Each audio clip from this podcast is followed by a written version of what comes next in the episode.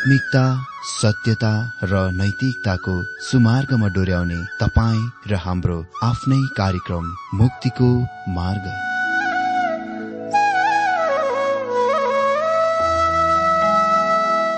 आदरणीय श्रोता यस मुक्तिको मार्ग कार्यक्रममा हार्दिक स्वागत छ। आशा छ यस आत्मिक कार्यक्रमद्वारा जीवनमा आत्मिक आशिष अलौकिक शान्ति र आनन्द प्राप्त गर्नुहुनेछ। र जीवनमा धन्य अनुभव गर्नुहुनेछ। आउनुहोस् श्रोता मन र आत्माको तयारीको लागि यो मिठो अनि मधुर भजन गीत सुनौ।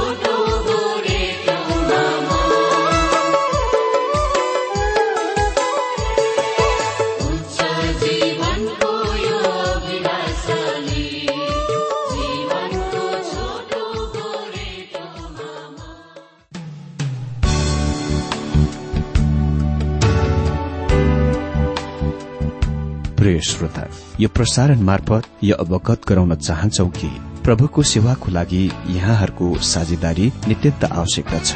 यहाँहरूले प्रार्थनाको साथसाथै आर्थिक सहायता गर्न अनुरोध गर्दछौ। तपाईँहरूको सानो भन्दा सानो भेटी किन नहोस्? हामी प्रभुको नाममा स्वीकार गर्नेछौ प्रभुको सेवाको लागि। तपाईँहरूको यो सानो लगानीले कसैको जीवनमा भिन्नता ल्याउँछ अनि प्रभुको महिमा हुन्छ। प्रभु तपाईँहरूलाई महान गरी आशिष दिनुहुनेछ। इच्छुक श्रोताहरूले तपाईँको इच्छा भेटी हाम्रो ठेगानामा पठाउन सक्नुहुन्छ जुन ठेगाना हामी कार्यक्रमको अन्तमा दिनेछौ। आदरणीय प्रिय श्रोता मित्र प्रभु येशु ख्रिष्टको मधुर अनि सामर्थ्य नाममा मेरो जय मसी तथा हार्दिक स्वागत छ आजको यो बाइबल अध्ययन कार्यक्रममा। श्रोता आज हामी बाइबल अध्ययन एफिसी दुई अध्याय एकदेखि सात पदबाट अध्ययन गर्न गइरहेका छौं र यहाँ एफिससमा भएको मण्डलीलाई ख्रिष्टको पत्र विषय अन्तर्गत देख्नेछौं। प्रभु येशु अति नै ठूलो भौतिकवाद निच पशुत्ववाद र तुच्छ र अन्धकारमय प्रतिमा पूजावादको बीचमा यो मण्डलीसँग बोल्नुहुन्छ। यसको बडो होसियार साथ ध्यान दिनुहोस् किनभने म यस सन्देशलाई सबैभन्दा महत्वपूर्ण सन्देशको रूपमा विचार गर्दछु। प्रकाश दुई अध्यय एक पदमा यस प्रकार लेखिएको छ। एफिससका मण्डलीका दूतलाई यो लेख। यी कुरा सातवटा तारा आफ्नो दाहिने हातमा लिने र सातवटा सुनका सामदानका बीचमा हिँड्नेले भन्छ। यो कुराको ध्यान दिनुहोस् कि उहाँले मण्डलीलाई आफ्नो मुनि उहाँले त्यसलाई लिनुहुन्छ उहाँको नियन्त्रण मुनि त्यो छ। उहाँसँग अहिले त्यस नियन्त्रण छैन तर त्यस बेला उहाँसँग त्यो नियन्त्रण थियो जो सात सुनका सामदानहरूको बीचमा हिँड्छ। हजुर यसको अक्षर शाब्दिक अर्थ हो उहाँ तल र माथि यता र उता हिँडिरहनु भएको हो। म विश्वास गर्दछु कि उहाँ अझै हाम्रा दिनहरूमा यसरी हिँडिरहनु भएको छ र उहाँले मण्डलीको न्याय गरिरहनु भएको छ। मित्र उहाँसँग यो मण्डलीको लागि प्रशंसाका छ वचनहरू छन्। दुई र तीन पदमा लेखिएको छ तिम्रा कामहरू तिम्रो परिश्रम र सहनशीलता मलाई थाहा छ। र तिमीले खराब मानिसहरूलाई सहन सक्दैनौ। तर तिनीहरू जसले प्रेरित हुँ त भन्दछन् तर वास्तवमा होइनन्। त्यस्तालाई जाँचेर झुट्टा भेटाएका भेटाएका छौ भनी म जान्दछु। म जान्दछु तिमीहरूले धैर्यपूर्वक सहन गरेका छौ र मेरो नाउँको खातिर कष्ट भोगेका छौ। अनि तिमीहरू थकित भएका छैनौ। उहाँ भन्नुहुन्छ पहिलो कुरा तिम्रा कामहरू म जान्दछु। हामीले यो कुराको बुझ्न आवश्यक छ कि उहाँ विश्वासीहरूसँग कुरा गरिरहनु भएको छ। प्रभु येशुले गुमेका निन्दित संसारलाई असल कामहरू गर्न कति पनि र कहिले पनि भन्नुहुन्न। उदाहरणको लागि तेतस तीन नदीको पाँच पदमा लेखिएको छ तब हामी आफैले गरेका धर्मका कामहरूद्वारा होइन। तर उहाँका कृपा अनुसार उहाँले हाम्रो उद्धार गर्नुभयो। नयाँ जन्मको स्नान र पवित्र आत्माबाटको नवीकरणद्वारा। रोमी चार दिएको पाँच पदमा पावल भन्छन् जसले कर्म चाहिँ गर्दैन तर भक्तिहीनलाई धर्मी ठहराउनु हुने परमेश्वरमाथि भरोसा राख्दछ त्यस्तो मानिसको विश्वास धार्मिकता गनिन्छ। ख्रिष्ट आफ्नै जनहरूसँग बोलिरहनु भएको छ। तपाईँले उद्धार पाइसक्नु भएपछि उहाँ तपाईँसँग असल कामहरूको बारेमा कुरा गर्न चाहनुहुन्छ। उहाँ चाहनुहुन्छ कि तपाईँले अब चाहिँ असल काम गरेको? अनि उहाँले यस विषयसँग भन्नुपर्ने धेरै कुरा छ। एफिसी दुई अध्ययको आठदेखि दश पदमा हामी पढ्छौ किनकि विश्वासद्वारा अनुग्रहले तिमीहरूले मुक्ति पाएका छौ। अनि यो तिमीहरू आफैबाट होइन। यो परमेश्वरको दान हो। कामबाट होइन। नत्र त कसैले घमण्ड गर्नेछ किनकि हामी असल कामहरूका निम्ति ख्रिस्ट येशुमा सृजना गरिएका उहाँका हातहरूका कालीगरी हौ। जुन कामहरूमा हामीले हेर्नुपर्छ भनेर परमेश्वरले अघिबाटै तिनलाई तयार पार्नु भएको छ। पाओले तितसलाई लेख्न सके तितस एक अध्यय सोह्र पदमा हामी परमेश्वरलाई चिन्छौं भनी तिनीहरू दावी गर्दछन् तर कामहरूद्वारा चाहिँ तिनीहरूले उहाँलाई इन्कार गर्दछन्। किनकि तिनीहरू घिनलाग्दा अनज्ञाकारी र हरेक असल कामका लागि निकम्मा छन्। प्रभु येशुले एफिसमा भएको मण्डलीलाई भनिरहनु भएको छ जस्तो पाओले भनेथे एपिसी पाँचको अठार पदमा पवित्र आत्माले भर्यो। अनि पावल तिनीहरूलाई निरन्तर भन्दछन् कि आत्माले भरिएका विश्वासीहरूको रूपमा तिनीहरूले के गर्नु पर्दछ त? अनि अहिले प्रभु येशु ख्रिस्टले तिनीहरूका असल कामहरूको लागि प्रशंसा गर्नुहुन्छ। दोस्रो तिम्रो परिश्रम मलाई थाहा छ। अमित्र काम र परिश्रम बीच के भिन्नता छ त? हजुर परिश्रम शब्दले थकितपनको पनि अर्थ बोक्दछ। सुसमाचारीय रेकर्डमा भनिएको छ कि येशु आफ्नो यात्रामा थाक्नुभयो। अनि त्यो नै थकावट थकितपनको एफिसीका विश्वासीहरूले अनुभव गरेका थिए। तिनीहरूले उहाँको लागि तिनीहरूका परिश्रममा थकावटको भोगे। तेस्रो कुरा तिम्रो धीरज म जान्दछु अनि धीरज पवित्र आत्माको फल हो। चौथो यो पनि जान्दछु कि तिमीहरूले खराब मानिसहरूलाई सहन सक्दैनौ। तिनीहरूले खराब मानिसहरूलाई सहन सक्दैनथे। अर्को शब्दमा मण्डलीमा भएका खराब भ्रष्ट निज प्रकारका मानिसहरूसँग सम्झौता गरेर तिनीहरूलाई त्यस्तै रहिरहन छोड्दैनथे। तिनीहरूले तुरुन्तै त्यस्ताहरूसँग ठिकठाक गरिहाल्दथे। अनि पाँचौं जसले हामी प्रेरित हौ भन्छन् तर होइनन्। तिनीहरूलाई तिमीहरूले जाँचेकै छौ र तिनीहरूलाई झुट पाएका छौ। तिनीहरूले ती प्रत्येक मानिसहरूलाई जाँचे जो प्रेरित हौ भन्ने दावी गर्दै एफिसमा आउँदथे। तिनीहरूले उनीहरूलाई सोद्धथे के तिनीहरूले पुनरुत्थित ख्रिस्टलाई देखे? अनि तिनीहरूले चाँडै पत्ता लगाउँथे कि तिनीहरू वास्तवमा प्रेरितहरू थिए या थिएनन् भन्ने कुरामा। यदि तिनीहरू नभए तिनीहरूले तुरुन्तै उनीहरूलाई त्यस सहर त्यस गाउँ त्यस ठाउँ सहरलाई छोड्नलाई भन्दथे। प्रभु येशुले मानिसहरूलाई जाँच गर्ने कामको लागि तिनीहरूलाई प्रशंसा गर्नुभयो। अनि म सोच्दछु कि यो आज हाम्रो दिनमा गर्न अझ धेरै आवश्यक छ। छैटौं अनि तिमीले सहेका छौ। धीरज धरेका छौ। मेरो नामको निम्ति मेहनत गरेका छौ। उहाँको नामको निम्ति तिनीहरूले क्रुस बोकिरहेका थिए। तिनीहरूले ख्रिस्टलाई प्रचार गरे। तिनीहरूले कुमारी कन्याबाट ख्रिस्टको जन्मको विश्वास गर्थे। तिनीहरूले उहाँको ईश्वरत्वको विश्वास गर्दथे। तिनीहरूले उहाँको बलिदानिक मृत्यु र पुनरुत्थानमा विश्वास गर्दथे। अनि तिनीहरूले आफ्नो विश्वासको खातिर दाम किमत चुक्ता चुकाउनु पर्यो। तिनीहरूले सतावट र तमाम प्रकारका समस्या झेल्नु पर्यो। सातौं थकित भएका छैनौ। हजुर उहाँको यस भनाइको तात्पर्य के हो त?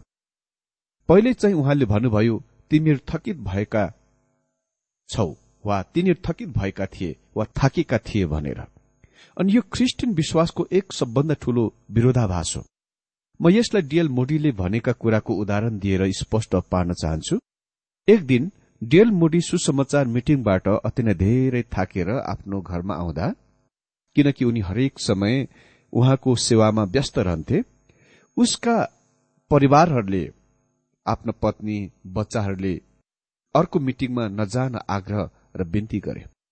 उसले तिनीहरूलाई भने म काममा थकित हुन्छु तर कामको लागि थकित हुन्न। त्यहाँ धेरै भिन्नता छ। तपाईँ ख्रिस्टको काममा थकित हुन सक्नुहुन्छ। तर यदि तपाईँ ख्रिस्टको कामदेखि थकित हुनुभए यो साँच्ची नै निराशजनक कुरा हो। यी सात प्रकाशका वचनहरू जुन प्रभु येशुले एफिससमा भएका स्थानीय मण्डलीलाई दिनुभएको थियो साथै पेन्टिकोस्ट र एक सय इस्वी सम्बत बीच चर्च इतिहाससँग लागू हुन्छ जुन एफिसीको मण्डलीले प्रतिनिधित्व गर्दछ। अहिले उहाँसँग निन्दाको एक वचन छ चार पदमा लेखेको छ तर तिम्रो विरूद्धमा मसित यो कुरा छ कि तिमीले तिम्रो पहिलो प्रेम त्यागिदिएका छौ। तिनीहरूले ख्रिष्टको व्यक्तिप्रति त्यो भाव प्रवण र उत्साही भक्ति गुमाएका थिए। हाम्रो लागि त्यस अवस्थाको बुझ्न कठिनको कुरा छ कि जुनतिर पवित्र आत्माले यो मण्डलीलाई ल्याउनुभयो उहाँ एफिसीका विश्वासीहरूलाई प्रभु येशु ख्रिस्टसँग अति नै घनिष्ठ र व्यक्तिगत सम्बन्धमा ल्याउनु भएको थियो। उहाँले तिनीहरूलाई त्यस अवस्थामा ल्याउनु भएको थियो जहाँ तिनीहरूले प्रभुलाई भन्न सकेथे। हामी तपाईँलाई प्रेम गर्छौं। यो आज हामीलाई अति नै धेरै अमहत्वपूर्ण देखाइ पर्दछ। तर प्रभुको लागि तिनीहरूको प्रेम अति नै धेरै महत्वपूर्ण थियो। उहाँले एफिसियनहरूलाई भनिरहनु भएको थियो तिमीहरूले तिमीहरूका आफ्ना उक्तम प्रेम छोडिरहेका छौ। तिनीहरू त्यस प्रेमबाट त्यति धेरै टाढा भौतारी गएका त थिएनन् तर तिनीहरू त्यस्तो तर्खर बाटो वा तयारीतिर चाहिँ थिए। मित्र हामी रहेको यो भावशून्य सन्देह गर्ने मानव देशी र चासो नदेखाउने हाम्रो लागि यसको बुझ्न अति नै कठिन छ। संसार मण्डली चर्चमा त्यति धेरै र फैलावटमा र त्यस तरिकामा प्रवेश गरेको छ वा घुसेको छ विशेष गरेर पश्चिमेली मुलुकमा कि हाम्रो लागि ख्रिस्टको व्यक्तिप्रति प्राचीन मण्डलीले दिएको भावप्रवण र उत्साहपूर्ण भक्तिको कल्पना गर्न मनमा सोच्न कठिन छ। प्राचीन मण्डली चर्च तिनीहरूका शिक्षा र सिद्धान्तबाट बाहिर भौतारी गएका थिएनन् तर येशु ख्रिस्टसँगको तिनीहरूका व्यक्तिगत सम्बन्धमा चाहिँ अलिकति निस्कि गएका थिए भौतारी गएका थिए।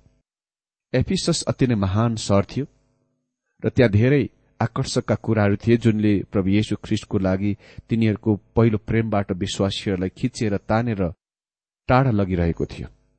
यो नै चर्च मण्डली त्यसको सुसमाचार प्रचार प्रसारमा करिब साढे दुई करोड़ मानिसहरू बसोबास गर्ने त्यस क्षेत्रमा अति नै शक्तिशाली र प्रबल बन्यो। अरू त के? रोमी सम्राटहरू र त्यस साम्राज्यका ठूला बडा प्रमुख मानिसहरूले सुसमाचार सुन्ने मौका पाएका थिए। त्यस क्षेत्रमा त्यस बेला परमेश्वरको आत्माको कार्य र प्रभाव यति धेरै थियो सम्भवत त्यस समयदेखि उस्तै किसिमको अर्को भएको छैन। यदि हामी विश्व चर्च मण्डली इतिहासमा हेर्छौं भने त्यहाँ त्यस्ता व्यक्तिहरूको बारेमा पढ्छौं जससँग त्यस प्रकारका घनिष्ठ सम्बन्ध ख्रिससँग थियो। डेभिड बर्नर्ड अमेरिकामा त्यहाँका मूल बासी इण्डियनहरूको बीचमा मिसनेरी प्रचारक बनेर गएका थिए जसका यस्तो सम्बन्ध ख्रिस्टको ख्रिस्टसँग यस्तो सम्बन्ध थियो जसको ख्रिससँग यस्तो सम्बन्ध थियो। सेविकैको समयमा उसलाई टीबी रोग लागेको थियो। उनी ती इण्डियनहरू कहाँ घोडाबाट सयौं मिल यात्रा गरेर सुसमाचार लिएर जाँदथे अनि कहिले कहीँ आफ्नो यात्रामा हुँदा उसले खोक्दा खोक्दा खुनको डल्लो छाद्दथ्यो र अचेत बेहोस भएर घोडाबाट खस्दथ्यो लड्दथ्यो। उनी हिँड्नमा बेहोस मुर्चा खाएर कहिले कहिले हिउँमा पसिरहेको अवस्थामा हुन्थे र त्यस अचेतपन बेहोसीको समयमा उसको घोडाले उसलाई त्यहाँ नै पर्खिरहेको हुन्थ्यो। जब उसको होस आउँथ्यो उनी घस्रिँदै आफ्नो घोडामा घस्रिँदै घस्रिँदै जाँदथ्यो जाँदथ्यो र चढेर फेरि इण्डियनहरू कहाँ प्रचार गर्न आफ्नो बाटोतिर लाग्दथ्यो।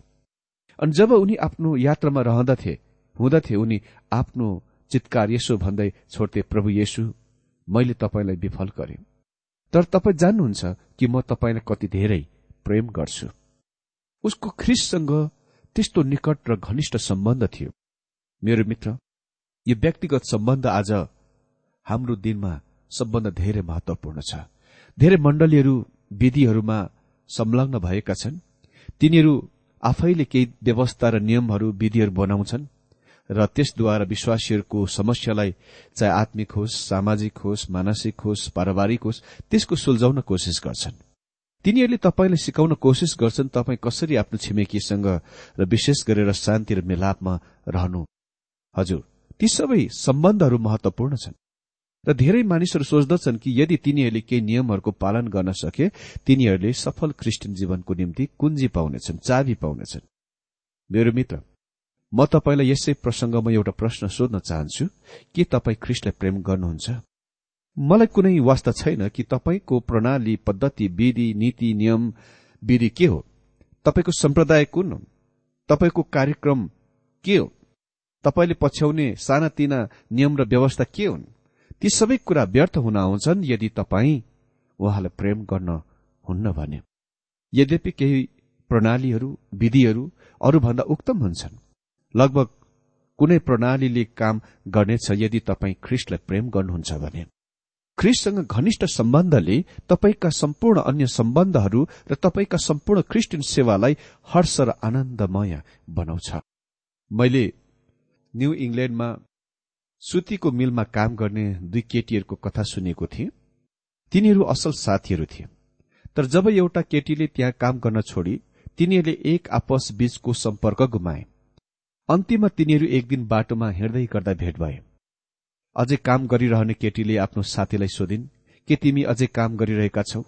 तिनले भनिन् अह छुइन मैले विवाह गरे।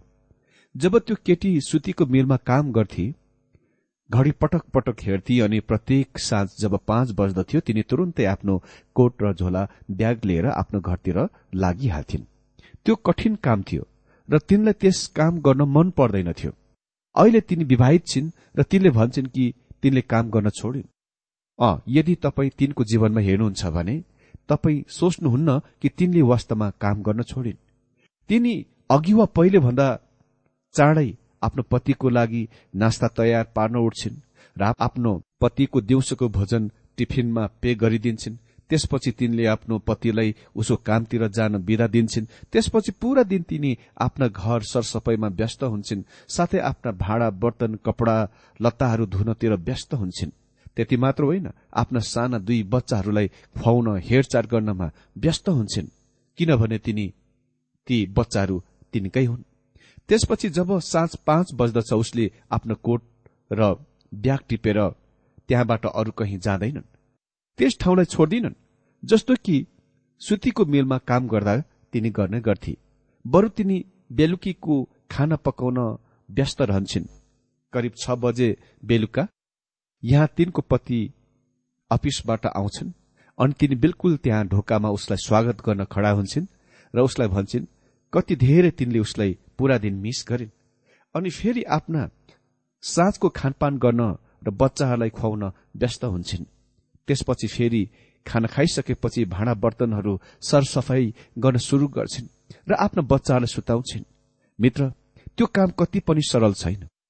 अनि फेरि अर्को दिनको लागि एका बिहानै सबेर उठेर एवं क्रमले आफ्नो पतिको निम्ति नास्ता दिउँसोको खाना बनाउँछिन्। म तपाईँलाई भन्दछु कि तिनी अति नै धेरै थकित हुन्छन् थाक्छिन्। जब अन्तिममा तिनी आफ्नो ओछ्यानमा सुत्न जाँदा तर पनि तिनले भन्छन् कि उनी कति पनि काम गरिरहेकी छैन किन? किनभने तिनी प्रेममा छिन् सम्बन्धमा छिन् घनिष्ठ सम्बन्धमा। त्यो नै भिन्नता हो। मेरो मित्र जब तपाईँको घर परिवारको जीवन र चर्चको जीवन बोझ र भार बन्दछ ख्रिससँग तपाईँको सम्बन्धमा निश्चय नै केही गडबड छ। जब तपाईँ त्यस कुरालाई ठिकठाक गर्नुहुन्छ सोझ्याउनुहुन्छ। अरू कुरा आफसे आफ ठिकठाक हुन्छन्। आफसे आफ मिल्दछ। यो नै कारण प्रभु येशुले एफिसियन विश्वासीहरूलाई भन्नुभयो तिमीहरू आफ्ना पहिलो प्रेम र उक्तम प्रेम छोडिरहेका छौ। तिनीहरूको निम्ति अब समाधान के छ त? पद पाँचमा लेखिएको छ यसकारण कहाँबाट तिमीहरू खसेका छौ सो सम्झ र प्रस्ताव गर अनि तिमीले पहिले गरेका काम गर नत्र त म तिमीहरूका आएर तिमीले प्रस्ताव गरेनौ भने तिम्रा सामदान त्यसको ठाउँबाट हटाउनेछु। सम्झना गर यो नै पहिलो कुरा हो। तिनीहरूले गर्न आवश्यक छ। स्मृति सम्झना महान अद्भुत कुरा हो। कसैले भनेका छन् परमेश्वरले हामीलाई सम्झना स्मृतिहरू दिनुभएको छ। त्यसकारण हामी दिसम्बरमा गुलाब फूल पाउन सक्छौ। अ प्राय धेरै स्थानहरूमा हामीसँग छोटो क्षणिक यादहरू छन् किनभने प्राय गरी पूरा वर्षभरि नै गुलाबका फूलहरू पाइन्दछ तर स्मृति सम्झना अद्भुत कुरा हो। कसैले यो भनेका छन् कि स्मृति वा सम्झना विलासिता कुरा हो जुन खालि असल मानिसले मात्र आनन्द भोग गर्न सक्छ। मेरो मित्र तपाईँलाई थाहा छ याद छ जब तपाईँ प्रभुमा विश्वासमा साँचो हृदयले मन परिवर्तनको साथ आउनु भएको थियो? के तपाईँले त्यस आनन्द हर्ष र शान्तिको उत्साह र जोसको याद गर्नुभएको छ जुन प्रभु येशुले तपाईँको हृदयमा त्यस बेला हालिदिनु भएको थियो? के अहिले तपाईँ चिसो भावशून्य र चासो नलिने हुनुभएको छ? के तपाईँ अहिले विश्वासबाट पछि हटिजाने अवस्थामा हुनुहुन्छ? सम्झना गर्नुहोस् याद गर्नुहोस् तपाईँ एक समयमा कहाँ हुनुहुन्थ्यो? त्यसको पनि याद गर्नुहोस्। तपाईँ त्यस उही स्थानमा वापस जान सक्नुहुन्छ। यसकारण तिमी कहाँबाट खसेका छौ सम्झना गर। अनि दोस्रो कुरा भन्नुहुन्छ प्रस्ताव गर। मित्र क्रिस्चियन विश्वासीहरूले प्रस्ताव गर्ने अति नै धेरै आवश्यक छ। हामीले आत्मनिर्भरताको कठोर खप्टालाई तोड्न आवश्यक छ। हामीले महसुस गर्न आवश्यक छ हामी परमेश्वरबाट कति धेरै तर्की जाँदा रहेछौ र प्रस्ताव गर्न कति धेरै आवश्यक रहेछ। प्रस्ताव गर्नुपर्छ। प्रस्तावको मतलब उहाँ कहाँ वापस फर्किआउनु हो। अनि यो विश्वासीहरूको लागि सन्देश हो। कसरी मण्डली चर्चले उद्धार नपाएका मानिसहरूलाई प्रस्ताव गर भन्न साहस गर्दछन्? उद्धार नपाएका मानिसहरूले गर्नुपर्ने कुरा चाहिँ उद्धारको लागि ख्रिस्ट कहाँ फर्कनु हो। जब उनी ख्रिस्ट कहाँ फर्कन्छन् उनी आफ्नो पापबाट फर्कन्छन् र तेस्लो निकीहरू जस्तै जो जीवित र सत्य परमेश्वरको सेवा गर्नको निम्ति स्वर्गीयबाट उहाँको पुत्रको बाटो हेर्नको निम्ति तिनीहरू मूर्तिबाट परमेश्वरतर्फ फर्केथे तर चर्च वा मण्डलीले चाहिँ प्रस्ताव गर्न आवश्यक छ। अनि यो नै सन्देश आज मण्डलीहरू सुन्न चाहँदैनन्। सम्झना गर प्रस्ताव गर र उहाँ कहाँ फर्क। नत्र भने म तिमीहरू कहाँ चाँडै आउनेछु र तिमीले प्रस्ताव गरेनौ भने तिम्रो सामदान त्यसको ठाउँबाट हटाइदिनेछु। ख्रिस्ट भन्नुहुन्छ उहाँले तपाईँको सामदान हटाउनुहुनेछ। ओ आज हाम्रो दिनमा कति मण्डलीहरू साँच्चै नै बन्द भएका छन्। एक समयमा त्यहाँ भीड़का भीड़ मानिसहरू आउँथे तर आज त्यहाँ कति पनि मानिसहरू आउँदैनन् किनभने त्यहाँ कति पनि परमेश्वरको वचन सिकाइँदैन। मित्र ख्रिस्टले अझै बत्तीहरूलाई चियो गरिरहनु भएको छ र उहाँले सलेदोलाई छाट्न र काट्नमा कति पनि आपत्ति गर्नुहुन्न। यदि तिनीहरूले ज्योति दिन इन्कार गर्दछन् भने अनि छ पदमा लेखिएको छ तर तिमीहरूमा यो कुरा त छ कि तिमीहरूले मैले जस्तै निकोलाइटसहरूका काम घृणा गर्छौ। निकोलाइटसहरू चाहिँ यौगिक शब्द हो अर्थात् दुई वा दुई भन्दा बढ़ी शब्द मिलेको कुरा हो। वस्तु मिलेको कुरा हो। निकाउको मतलब विजय गर्नु हो र लाउसको अर्थ हो मानिस। हामीले अंग्रेजी शब्द लेटी त्यसबाट पाउँछौ जुनको अर्थ हुन्छ सामान्य जनता वा सामान्य वर्ग। ती निकोलाइटनहरू को थिए भन्ने कुराको थम्याउन कठिन छ? केही बाइबल विद्वानहरू सोच्दछन् कि तिनीहरू पुजारीय वा पादरीय व्यवस्था हो जुनले आकार र आकृति लिन आरम्भ गरिरहेको थियो र मानिसहरूलाई शासन गर्न प्रयत्न गर्न आरम्भ गरिरहेको थियो। अर्को सिद्धान्त चाहिँ यो हो कि अघिका वा पछिका कुनै पनि चर्च मण्डलीहरूमा यो झुनको चिन्ने वा पहिचान गर्ने कुनै बाटो छैन। तेस्रो स्पष्टीकरण यो हो त्यहाँ अन्तिओकमा निकलोस भन्ने व्यक्ति थियो। जो सत्यबाट पछि हटी गयो र एन्टोनोमियन ब्रह्माण्ड ज्ञानवाद झुन्ड शिक्षा कल्टको स्थापन गरे जुनले सिकाउँथ्यो यसको बुझ्नको लागि हरेक पापमा लिप्त हुनै पर्छ अभ्यास हुनै पर्छ भनेर।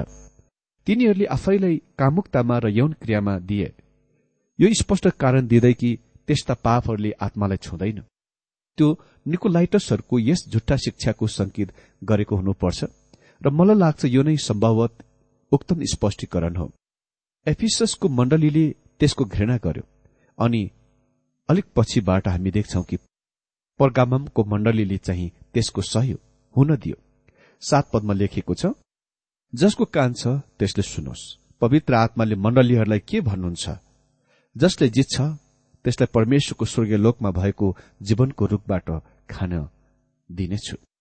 मित्र जसको कान छ त्यसले सुनोस्।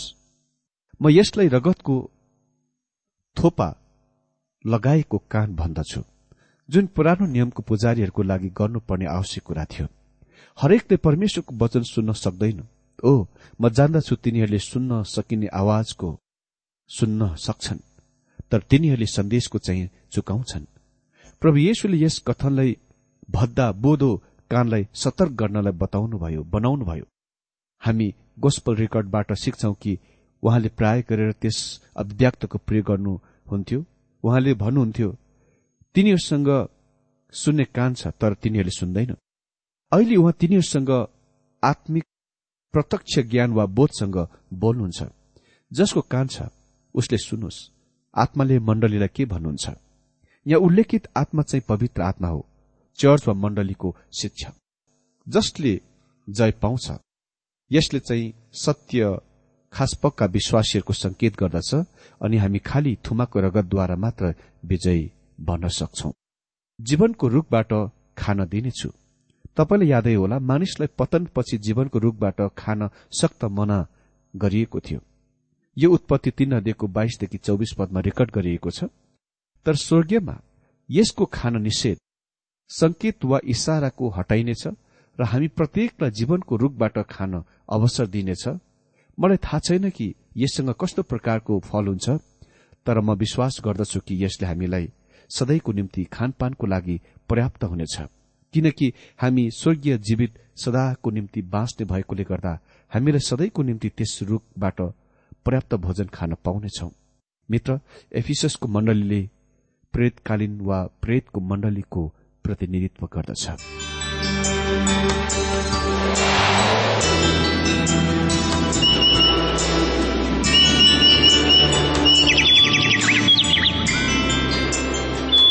प्रिय श्रोता अहिले भर्खरै तपाईँले टीडब्ल्यूआर नेपालद्वारा सञ्चालित आत्मिक कार्यक्रम मुक्तिको मार्ग सुनिरहनु भएको थियो। श्रोता आजको यो कार्यक्रम सुनेर तपाईँलाई कस्तो लाग्यो? यदि यो कार्यक्रम सुनेर मनमा कुनै खुल्दुली वा कुनै प्रतिक्रिया अर्थात सुझावहरू छन् भने हामीलाई पत्रद्वारा लेख्न सक्नुहुनेछ। हामी हृदयदेखि नै स्वागत गर्नेछौ स्वीकार गर्नेछौ साथै बाइबल सम्बन्धित प्रचारहरू कार्यक्रम सारणीहरू हामी अनुरोधमा पठाउन सक्छौ। अनि तपाईँसँग कुनै प्रार्थनाको विषय छन् भने हामीले तपाईँको लागि प्रार्थना गरेको चाहनुहुन्छ। भने प्रभुमा आफ्नै परिवार सम्झेर हामीलाई पत्रमा लेख्न सक्नुहुनेछ। तपाईँको लागि हामी प्रभु येशुसँग प्रार्थना गर्नेछौ। अधिक जानकारी र पत्रचारको लागि हाम्रो ठेगाना यस प्रकार छ। कार्यक्रम मुक्तिको मार्ग जीपीओ नम्बर उनानब्बे पचहत्तर इपिसी पच्चिस एकसठी काठमाडौँ। ठेगाना एकपल्ट सुन्नुहोला। कार्यक्रम मुक्तिको मार्ग जीपीओ नम्बर उनानब्बे पचहत्तर इपिसी पच्चिस एकसठी काठमाडौँ। हाम्रो इमेल एड्रेस हो TWR Nepal at Yahoo dot com. साथै यस नम्बरमा एसएमएस गर्न सक्नुहुनेछ। अन्ठानब्बे चार सत्तरी पैतिस छ सय उनासी नौ आठ चार सात जिरो तीन पाँच छ सात नौ। हुन्छ श्रोता आजलाई हामी विदा चाहन्छौ। अर्को कार्यक्रममा हामी पुनः भेट्नेछौ तबसम्मलाई नमस्कार।